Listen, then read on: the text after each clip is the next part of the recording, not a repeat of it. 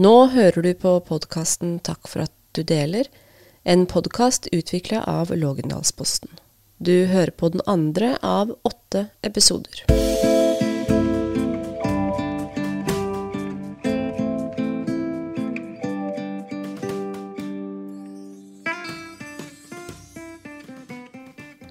Velkommen til LPs podkast Takk for at du deler. Mitt navn er Linn Kristin Djønne, og i dag så har vi med oss Tonje Meinstad Aasrud. Tonje vokste opp på Raumyr i Kongsberg. Hun hadde en trygg og god oppvekst sammen med mamma, pappa og storebror. Så en kveld, da Tonje er 16 år, så skjer det noe som snur opp ned på alt. Tonje, velkommen hit, og takk for at du har lyst til å dele din historie. Takk for at vi kom med. Hva skjedde den eh, kvelden da du var eh, 16 år? Den kvelden så fikk jeg mitt første ordentlig store panikkanfall. Um, husker hvert eneste øyeblikk kjempegodt. Uh, og det var akkurat som om etter den episoden så endra alt inni meg. Uh, stemningsleie, altså tankene mine hadde en helt annen følelse i kroppen. Uh, og jeg vil si at livet mitt ble snudd på hodet. Åssen blei den perioden eh, etter det? Hva skjedde etter det? Altså, Jeg husker ikke så mye av det. Det er ganske sånn, det er så mye gråsoner, og alt føles bare Det er som så mange år som er i ett, da. Men uh, det ble um, mange turer på legevakta med full panikk. Um, jeg klarte ikke å gå på skole til slutt. Jeg prøvde så godt jeg kunne, men jeg husker jeg kollapsa i trappa. Jeg prøvde, forsto ikke hva som skjedde med meg. Jeg var livredd. Um, heldigvis så skjønte på en måte foreldrene mine da, at det her var angst, og starta med å prøve å få, eller få tak i hjelp, rett og slett. Mm. Men åssen utvikla Åssen utvikla den angsten seg? Åssen var det på innsida hos deg? holdt jeg på å si? Det var så rart, for jeg kjente meg ikke selv igjen. Altså, Alle følelser og tanker og stemningsleie, alt var endret. Og jeg, jeg, husker altså det, er så, det, er så, mye jeg ikke husker av det, samtidig som jeg bare husker at det var en sånn ekstremt nedstemthet og frykt. Eh, nervene var på høyspenn hele tiden, og sånn, som lyn fra klar himmel så hadde jeg plutselig altså, skyhøy puls, hjertet hamra, full panikk. da. Følte meg skikkelig handlingslamma. Eh, bare å gå ut av døra eller eh, Altså alt var annerledes. Og fikk panikkanfall eh, rett som det var. Da. Eh, så det ble jo noen år med eh, Til slutt så fikk jeg, fikk jeg, hjelp på BUP, og det var rel relativt hyppig besøk der for å prøve å få hjelp. Og finne ut av hva som skapte den angsten, og, og hvordan jeg kunne klare å håndtere det. da. Men var det angst i noen spesielle situasjoner, eller var det på, på, en måte liksom jevnt stemningsleie ditt som var endra?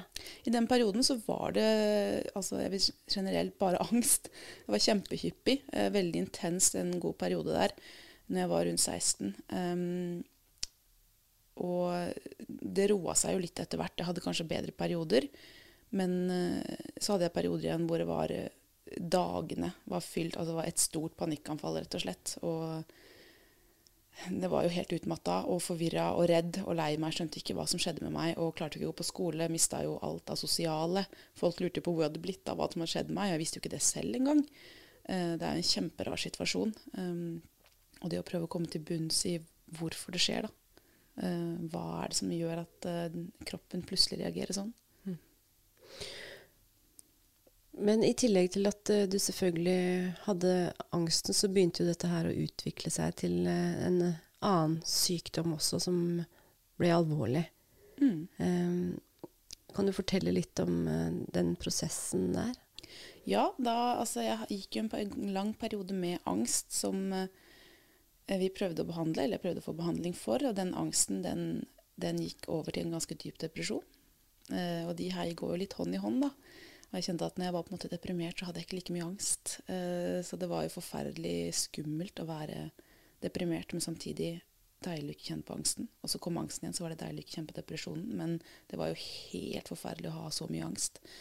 Um, sakte, men sikkert så ble dette litt bedre. Fikk behandling, klarte å komme meg litt ut igjen. Prøvde meg på skole, gjøre sånne ting. Det som skjedde, uh, og veldig underbevisst òg, var jo at tanker om mat og kropp og tall og kalorier hadde blitt sterkere, og det hadde, blitt mye, det hadde plutselig blitt viktig for meg eh, hva jeg spiste, hvor mye jeg veide, hvor mye kalorier, og jeg skjønte absolutt ikke hvorfor. Men, men eh, Så den hva skal jeg si, fokuseringa på eh, kropp og vekt og kalorier, kom det parallelt som du hadde disse angstanfallene?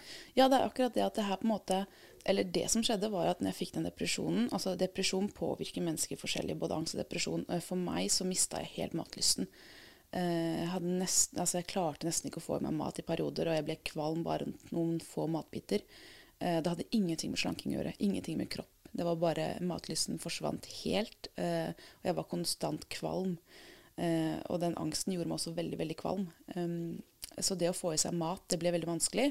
Og vi tenkte ikke noe mer på det, annet enn at vi måtte, prøve å jobbe gjennom det, prøve å spise så godt jeg kunne. Men vekten gikk jo ganske fort nedover i den perioden. Og det var eh, da på en måte tankene rundt mat og kropp begynte å endre seg. Selv om jeg aldri hadde noe ønske om å slanke meg eller å se ut på en spesiell måte. Eh, jeg var altfor sliten til å fokusere på sånt, så gikk jo vekten ned. og eh, samtidig så begynte tankene rundt mat og kropp og tall og kalorier sakte, men sikkert å bli sterkere. Og jeg hadde følt et behov for å vite hva jeg putta i munnen, hvordan jeg så ut, hvor mye jeg veide. Men det gikk veldig sakte, så det er veldig vanskelig å fange det opp selv òg. Man forstår jo ikke hva som skjer, og man, man blir ikke klar over det måte, før det har gått ganske langt. Men, men ble det utløst av at du så at kroppen din endra seg? Det ble utløst av en kjemisk reaksjon i hjernen som skjer når du blir underernært. Ja, fordi du slutta selvfølgelig å spise, og da fikk ikke kroppen det han trengte? Jeg ble underernært når jeg eh, hadde depresjon, for jeg mista matlysten. Så det ble antageligvis utløst av det. Og så er det jo flere faktorer. Det er jo på en måte aldri én ting som utløser en spiseforstyrrelse. Det er ofte genetiske faktorer involvert. Det er, eh, det er ofte et resultat av angst og depresjon. Vanskelige følelser. Det blir en måte å En ting er at det skjer en kjemisk reaksjon i hjernen når noen sulter eller blir underernært, ved at du faktisk får et hyperfokus på mat og tall og kalorier. Um, det er ikke noe man velger selv, det er bare noe som skjer når man, blir, når man sulter. Da. En annen ting er jo det at en spiseforstyrrelse er jo en måte å håndtere vanskelige og vonde følelser på. Ja. Så når da fokus er på noe helt annet, så føler du ikke like mye på det vonde som kommer med angst og depresjon. Det er mange, mange faktorer til at man, en person utvikler en spiseforstyrrelse. Men hva gjorde det for deg å ha kontroll på inntaket, da? Det var akkurat det at jeg forsto ikke selv at det, at det, var et behov for kontroll. Det var jo, jeg forsto ikke selv hva som skjedde. Ble, det gikk ganske langt, og altså foreldrene mine de forsto heller ingenting hva som skjedde. Eh, og de var med meg hele tiden og observerte det, men for ingen av oss på en måte tenkte at det her er en spiseforstyrrelse. Og jeg husker at jeg på en måte jeg ble bedre av angst og depresjon. Jeg klarte å komme meg litt mer ut, være med venner, men det ble så mye viktigere for meg hva jeg spiste. Og jeg gikk rundt dag og natt og tenkte hvorfor? Hva er de tankene her? Hvorfor er det plutselig skummelt å spise? Det er mat. Jeg trenger jo mat. Hva, hva er det som skjer med meg? Og det var frustrerende og forvirrende og kjempeskummelt. Um, og man forstår ikke selv at uh, det er behov for kontroll. Men det er jo akkurat det at du, du føler mindre på angst enn depresjonen når du får angst og depresjon. Altså det er noe du ikke har kontroll over i det hele tatt. Spesielt panikkangst. Det bare, det kommer bare. Og du vet ikke hvordan du skal stoppe det. Um, depresjon og det er følelser som bare de setter seg. Du får ikke bare snudd hjernen om og tenkt positivt. Um, så jeg tror det underbevisst blir en måte å ta kontroll på noe annet når alt annet føles som du ikke har kontroll på. At livet bare skjer, men akkurat hvor mye det veier, hva du putter i munnen, hvordan kroppen ser ut, det kan du på en måte kontrollere. da. Eh, selv så forstår jeg ikke at det var derfor det skjedde, på en måte, men jeg har jo forstått i etterkant da, at det ofte er et behov for kontroll som hva skal jeg si, ja, er en av faktorene mm. til at man får et, en sånn sykdom. Mm. Men sakte, men sikkert så um, eh, utvikla du en uh, ganske alvorlig spiseforstyrrelse. Men hvordan, um, var vanlig, hvordan var det dette her arta seg? Hvordan var en dag for deg når du var uh, syk? Mm, det er akkurat det at man husker veldig lite av det, fordi at tankene dine er så Altså, alt handler om hva du gjør i forhold til mat bevegelse, hva du putter i munnen, hvor mye det er i ting, hvordan kroppen ser ut, hvor mye veier du nå. Det er konstant 24-7 hele tiden. Du får ikke med deg noe annet. Det var en konstant kamp mot hva skal jeg si, fornuften og sykdommen. For sykdommen sa nei, du kan ikke spise. Du kan ikke, det er for mye. altså. Og fornuften sa men Tonje, du må ha mat. Du kommer til å dø. Hva er det du driver med? Du kan ikke sulte. Når man er syk, så handler absolutt alt om mat og aktivitet. Tall, kalorier, hva du putter i munnen, hvordan kroppen ser ut. Du har ikke mulighet til å fokusere på noe annet. Altså det opptar alt av hjernekapasitet. Så en vanlig dag var jo på en måte å du, du, får veldig strenge rutiner og på en måte en tvang om uh, ting du må gjøre i, altså i, i uh, forskjellige mønster. Um, så jeg kan ikke huske nesten hvordan en dag så ut, bortsett fra at det var alt handla om mat og trening og tvang. Og prøve å Ja, så blir det jo verre og verre. Uh, du tenker jo at det her skal jeg klare. Neste dag så skal jeg gjøre det bedre. Jeg må spise mer. For du skjønner at det er noe feil. Du skjønner bare ikke hva. jeg brukte masse tid på å tenke på er det her en spiseforstyrrelse. Du har liksom lært at det handler om slanking, og du skal se sånn ut. Det var aldri det jeg ville.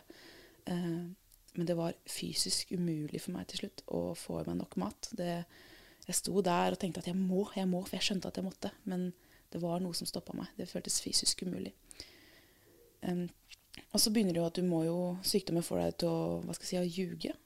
De ljuger til foreldrene dine de, om hva du har spist. Altså si at du skal bort og spise hos venner. Uh, Istedenfor er du ute og går eller gjør et eller annet. Uh, og, hva skal jeg si, Å ljuge til foreldrene mine er det siste jeg gjør. Så det var jo forferdelig å gå med en sånn følelse. Um, og etter hvert som man ble syk, og jeg på en måte innså at det her er ikke greit, og moren og faren min sa at det er noe alvorlig feil her, så var det å prøve å få hjelp. Og det er ikke bare bare. Og hvordan gikk dere fram uh, da? Og når var det dere forsto at du måtte ha hjelp?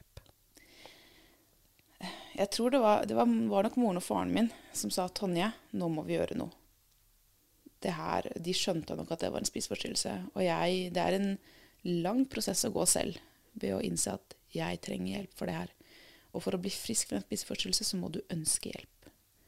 Um, det gikk kjempe Altså, jeg ble veldig syk, og det går veldig fort når det kommer til et visst punkt.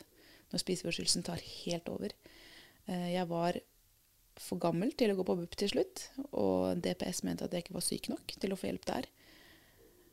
Så jeg sto uten noen behandler. Uh, fikk en eller annen behandler som, um, som jeg skulle ha som en sånn mellomting, før jeg på en måte prøvde å få hjelp videre. For foreldrene mine skjønte at vi trenger virkelig noen som kan det her, som kan hjelpe Tonje. Men, og denne behandleren tenkte jeg at nå skal jeg, første gang jeg skal tørre å si at jeg tror kanskje jeg har et, et problem med mat. da.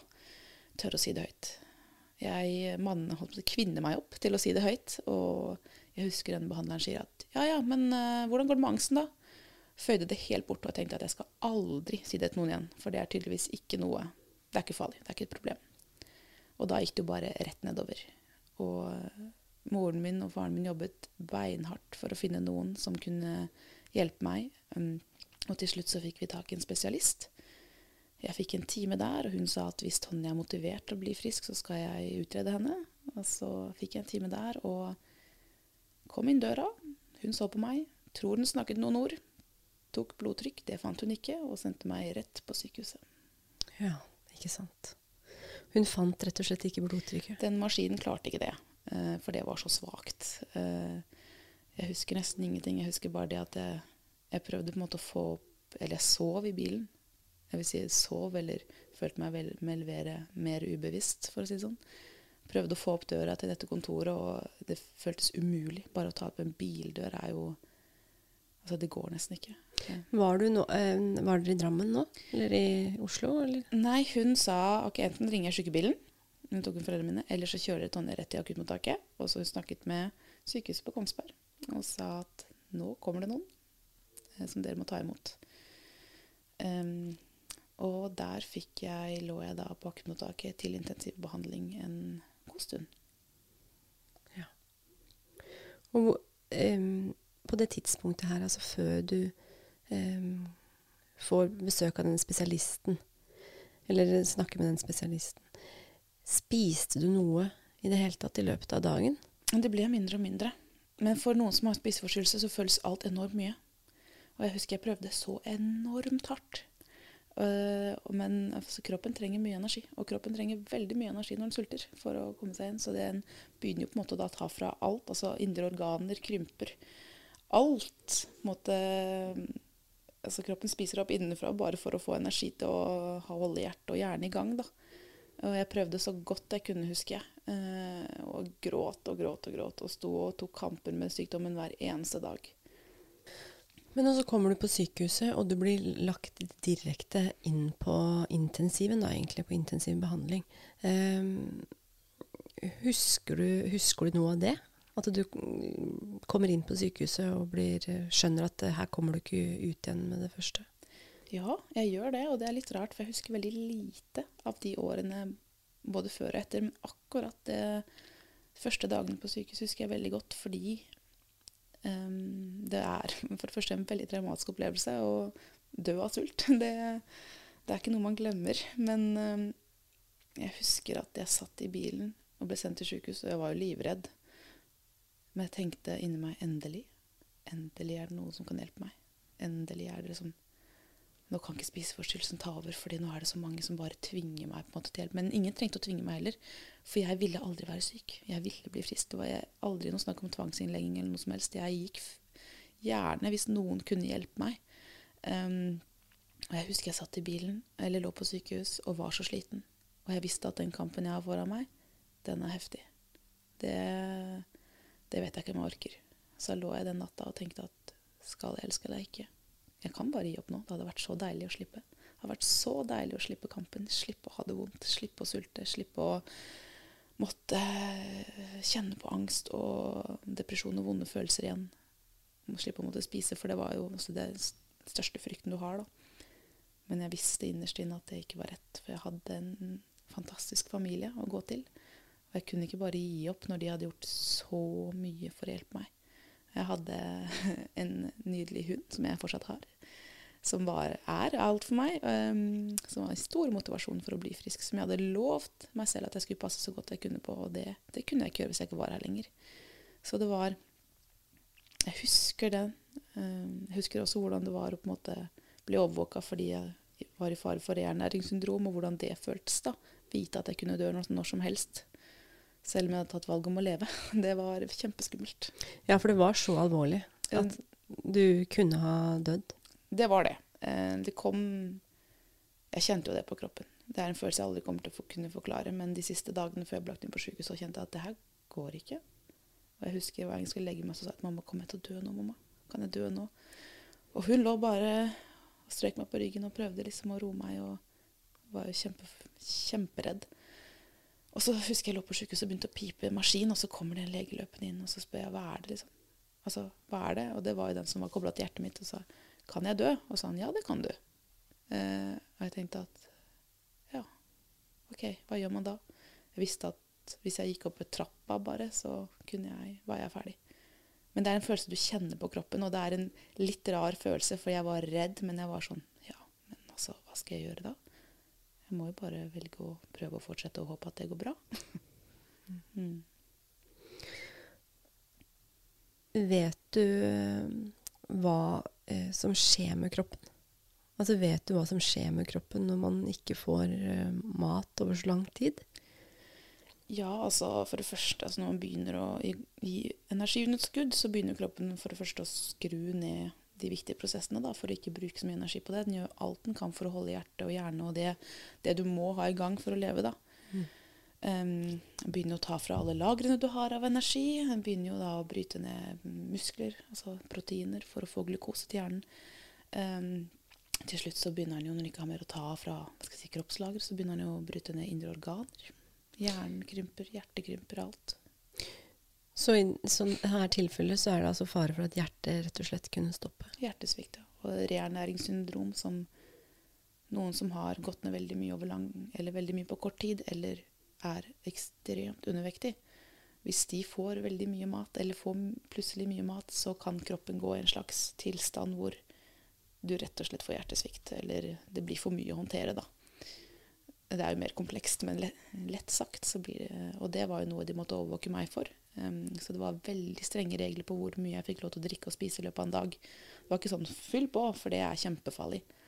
Eh, for meg så føltes jo alt enormt mye uansett. Men så er det jo det å prøve å, så fort man ser at kroppen stabiliserer seg, da, øke i en trygg, trygg mengde hver dag. Og se at det går riktig vei. For du har liksom ikke noe tid å miste da. Du har snakka litt om eh, foreldrene dine og de som var rundt deg. Men, men eh, hvordan, hvordan, har dere snakka om det her i ettertid? Hvordan det her opplevdes eh, for dem?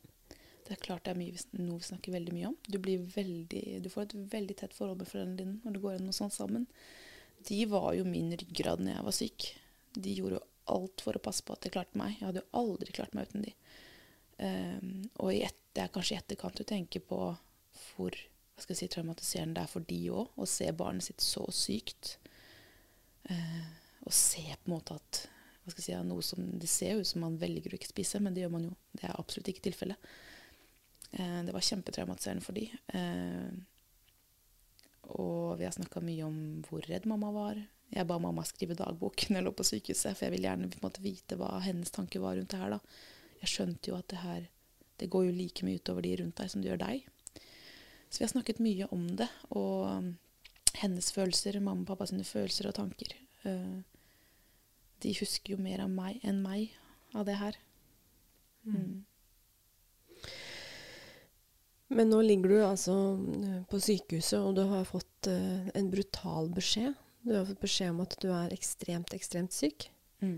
Og så begynner jo en uh, tilfriskningsfase, kan man vel si. Mm. Og, og hvordan, uh, hvordan, var det? Det er den tøffeste kampen jeg har gjort i hele mitt liv. og den viktigste. Um, det det var jo da en god stund på sykehuset for å se at ting gikk riktig vei, for å få hjelp. Og så var det jo snakk om hvor hvordan blir veien videre. Skal vi prøve å en, legge deg inn på en spesialenhet? Skal vi, så, hvordan skal du få behandling? Men det vi fant ut at det beste for meg var nok å, hvis det gikk bra, å få behandling hjemme. Og da gå til den spesialisten som hadde sendt meg på sykehus, og få lov til å gå dit regelmessig mens hun hele tiden hadde kontakt med foreldrene mine og fortalte meg hva jeg skulle spise, hvor mye, hvor mye aktivitet som var greit. altså hele veien da, Og de ga tilbakemeldinger sikkert hver dag i en periode om hvordan det gikk med meg, hva status var. Og så fikk jeg lov til å være hjemme, men jeg måtte hyppig inn på sykehus og veie meg og se på blodprøver for å se at kroppen fortsatt var på vei til å stabiliseres. Så behandlingen for meg skjedde hjemme. Um, og eneste grunn til at det gikk bra, var fordi jeg hadde foreldre som var hjemme med meg. Og tok den tiden og tok alle kamper og måte ble samtidig som de var foreldrene mine, mine behandlere òg. Mm. Og så fikk jeg gå til den spesialisten da, som fulgte meg opp. Mm. Hvor, hvor, lang tid uh, bruker man på en sånn hva skal jeg si, tilfriskningsfase? Det er veldig individuelt. Det spørs hvor syk du var, eller, ja, og det spørs hvor motivert du er til å bli frisk. Mange dessverre ønsker ikke å bli friske, fordi de, sykdommen blir en del av de. Så de identifiserer seg med sykdommen. Jeg gjorde aldri det. Jeg skjønte at jeg var syk. Jeg følte aldri at jeg var anoreksi. Uh, jeg følte at jeg hadde en sykdom jeg ikke hadde valgt å få, og syntes det var helt forferdelig og jeg syntes det var urettferdig. Så for meg så ble det nok sånn sett lettere å på en måte jobbe meg bort fra sykdommen. Men for mange som identifiserer seg med den, de vil ikke ha hjelp, så det ender jo med tvangsinnlegging eller full kollaps, så de havner på sykehus. Jeg var veldig motivert for å bli frisk, og så klart, det er jo ikke lett. Uh, det var jo dager hvor jeg tenkte at det er ikke verdt det. Jeg orker ikke mer. Uh, det gjør vondt å bli frisk. Fysisk og psykisk utrolig vondt uh, å stå i alt du har Altså angsten, bare det å gi kroppen næring igjen, er jo det er fysisk vondt på en måte når du har vært så langt nede. Da. Um, så det tar Altså, det er veldig forskjellig fra person til person, um, men de sier jo at det tar i gjennomsnitt sju år å bli frisk. Og jeg vil si at de sju årene er ikke like ille. Altså, det er, det er individuelt. Noen bruker mye lengre tid. Har vært syke i 30-40 år. Jeg har prata med mennesker som har vært det. Noen bruker et par år. Um, jeg vil si at jeg kom meg ut av det eh, veldig kritiske relativt fort, og det er jeg veldig glad for. Eh, men jeg hadde jo år med tilbakefall, vanskelige år, så det tok lang tid før Sånn jeg Jeg sa til meg selv at jeg skal aldri si at jeg er frisk før alle tanker og angst er borte. Du, fort, du kan fort bli fysisk frisk, men det her er en psykisk sykdom. Mm. Um, så for meg, før alle tanker og tanker og angst og frykt rundt mat og det, det forholdet jeg hadde til mat og trening og kropp, ble normalt, da det tok for meg rundt kanskje fem år. Fem-seks år. Og så er det jo vanskelig å sette en dato på når det på en måte gikk over. Men eh, ja, de sier gjennomsnitt sju år, men det er kjempeindividuelt. Men når du sier at du mm, hadde noen tilbakefall i løpet av den uh, tilfriskningsfasen, er tilbakefall da at man slutter å spise igjen? Ikke nødvendigvis. Nei. Det er at du, det blir vanskeligere. At du, tankene kommer sterkere tilbake. At vekten går nedover igjen, kanskje, hvis du har en restriktiv spiseforstyrrelse. Um, rett og slett at handlinger og tanker uh, kommer tilbake. Um, så er det jo Det vil jeg si er et tilbakefall, da. Men um, da var jeg jo heller ikke helt frisk, så det var ikke sånn at jeg ble friskmeldt, og så var det rett tilbake sykdommen. Det er mer sånn det er to skritt frem og tre tilbake, og så er det fire skritt frem og ett tilbake. Og det er ingen rett linje. Så er det jo en del um, myter rundt spiseforstyrrelser. Mm. Og en av de er jo eh, at man aldri kan bli frisk. Ja. Hva tenker du om det? Det er helt feil. Og det sier erfaring, og det sier forskning. Og det sier erfaring med de jeg har snakket med og som jeg veileder. Så det, det er en myte. Um, men jeg forstår godt at folk tror det. Fordi det er veldig mange som ikke gjør det. Og det er veldig mange som har en spiseforstyrrelse, som føler at de aldri kommer til å bli friske. Og jeg tror det handler veldig mye om det støtteapparatet du har rundt deg. Det handler om motivasjon til å bli frisk. Det handler om hjelpen du får. Um, ja, det er så mange Hva du har vært igjennom. Altså, det er så mange faktorer, da. Men det går an, og det er så viktig for meg å, å si til alle at det er mulig. Uh, selv om det føles helt umulig. Jeg er fullt klar over at det gjør det, så er det mulig, men det er ikke lett.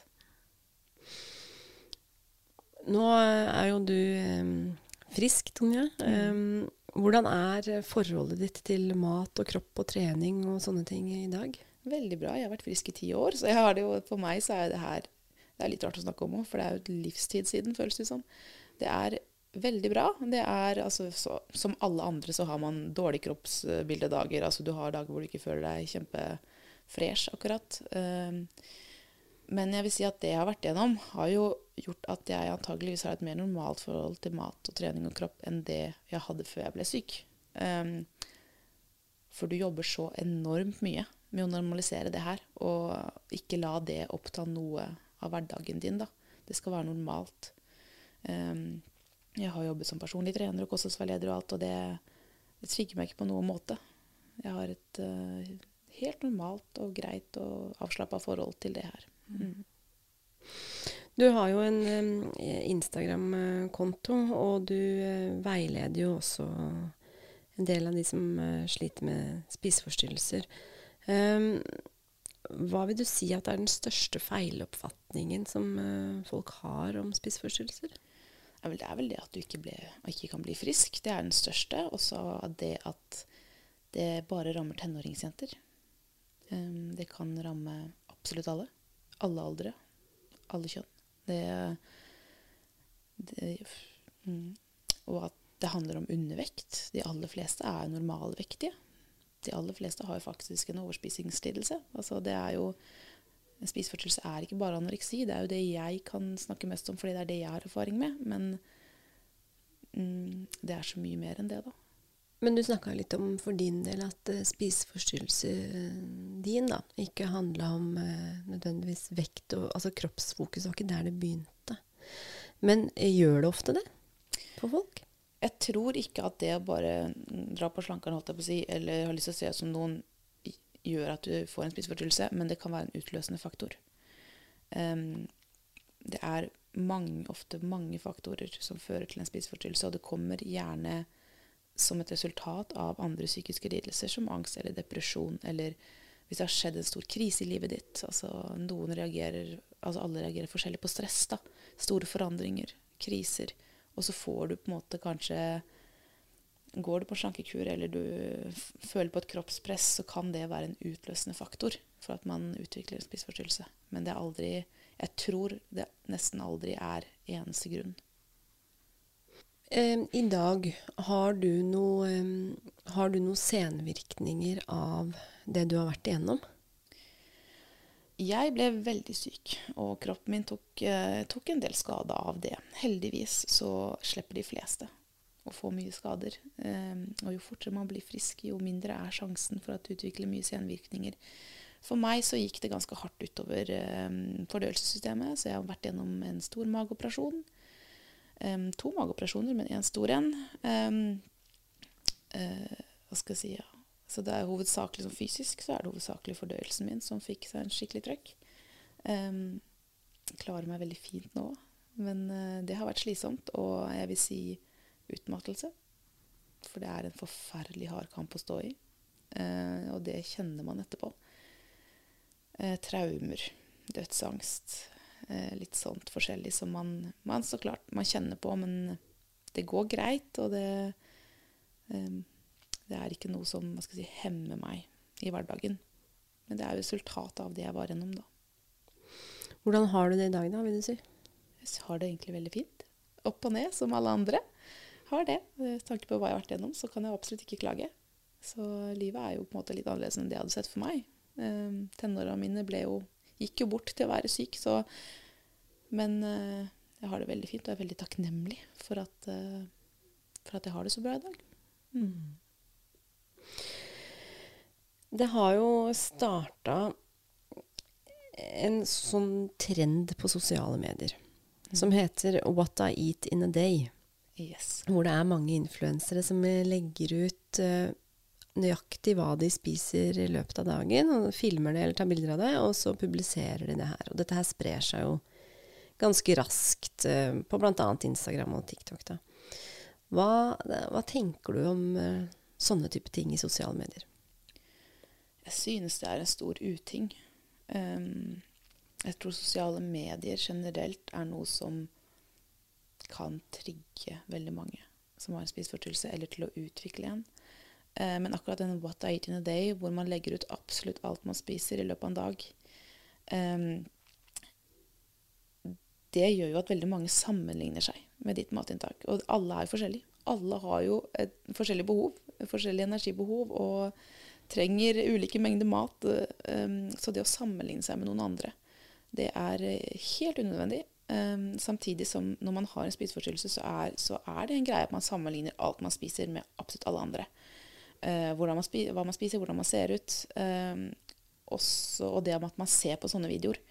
At man er helt opphengt i hva andre spiser, hva man spiser selv. Så det kan jo også bli en måte for de som er syke, syke å opprettholde sykdommen sin på. Jeg tror også det at Jeg kan i hvert fall si som jeg har vært der hvor jeg har vært syk, og jeg har vært frisk i mange år. Altså at når du er frisk, så har du et veldig Altså du har veldig lite behov for å filme absolutt alt du spiser i løpet av en dag, eller å se på hva andre spiser i løpet av en dag. Eh, så det er jo ikke nødvendigvis de som filmer det her Jeg vet ikke Det er lov å stille spørsmål om hva slags forhold de har til mat, og det her gjelder jo så klart ikke alle. Um, men jeg, de jeg veileder òg, gang på gang sier jo det her at disse videoene er, trigger dem. Uh, de klarer ikke å slutte å se på dem, men det trigger dem. Og ofte, du vet jo aldri hva de som har filmet uh, disse videoene, faktisk spiser. Spiste de alt som var der? Spiste de noe mer i løpet av en dag? Altså, altså sosiale medier er ikke realiteten. Um, Um, Lågendalsposten og for så vidt flere andre medier har jo eh, skrevet eh, en del om dette at eh, forekomsten av spiseforstyrrelser, spesielt kanskje blant unge, har økt mye under eh, pandemien. Er det flere som har tatt kontakt med deg det siste året? Ja, altså grunnen til at jeg begynte å dele òg, var jo det at jeg så at det var en stor økning. Um, og at det var mer og mer av det. Og jeg har lagt merke til at det har vært en stor økning, og så tror jeg kanskje at det har vært et større problem folk har vært klar over, men at det er nå mer satt søkelys på. Men det her med pandemien og sosiale medier, alt det her, har jo på en måte gjort at jeg tror flere utvikler en spiseforstyrrelse enn, en om pandemien ikke hadde skjedd. Og sosiale medier ikke hadde blitt en så stor greie. Men tror du sosiale medier eh, hva skal jeg si, er årsak, en av årsakene til økningen? Jeg tror det kan være en utløsende faktor, ja. Jeg tror det er altså, en av mange årsaker til at noen kan utløse spiseforstyrrelser. Eller utvikle spiseforstyrrelser. Helt uh, avslutningsvis, uh, Tonje. Hvis det er eh, noen som hører på oss nå, som eh, har et anstrengt forhold til eh, mat, eh, hva er det du har lyst til å si til dem? Oppsøk hjelp. Eh, hvis du bare altså, har en følelse av at noe ikke er som det skal, prat med noen. Prat med om det er foreldrene dine, eller om det er læreren din, eller en venn du er trygg på. Legen din. Bare prat med noen, oppsøk hjelp, og ingen problemer er for små.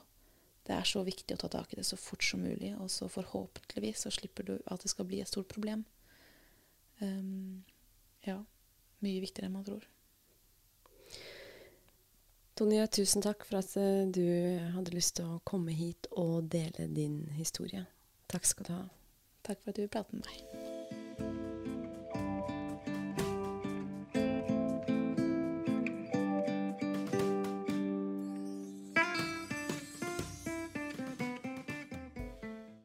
Nå har du hørt på podkasten Takk for at du deler, en podkast produsert av Lognalsposten. Ansvarlig redaktør er eh, Jørn Steinmo.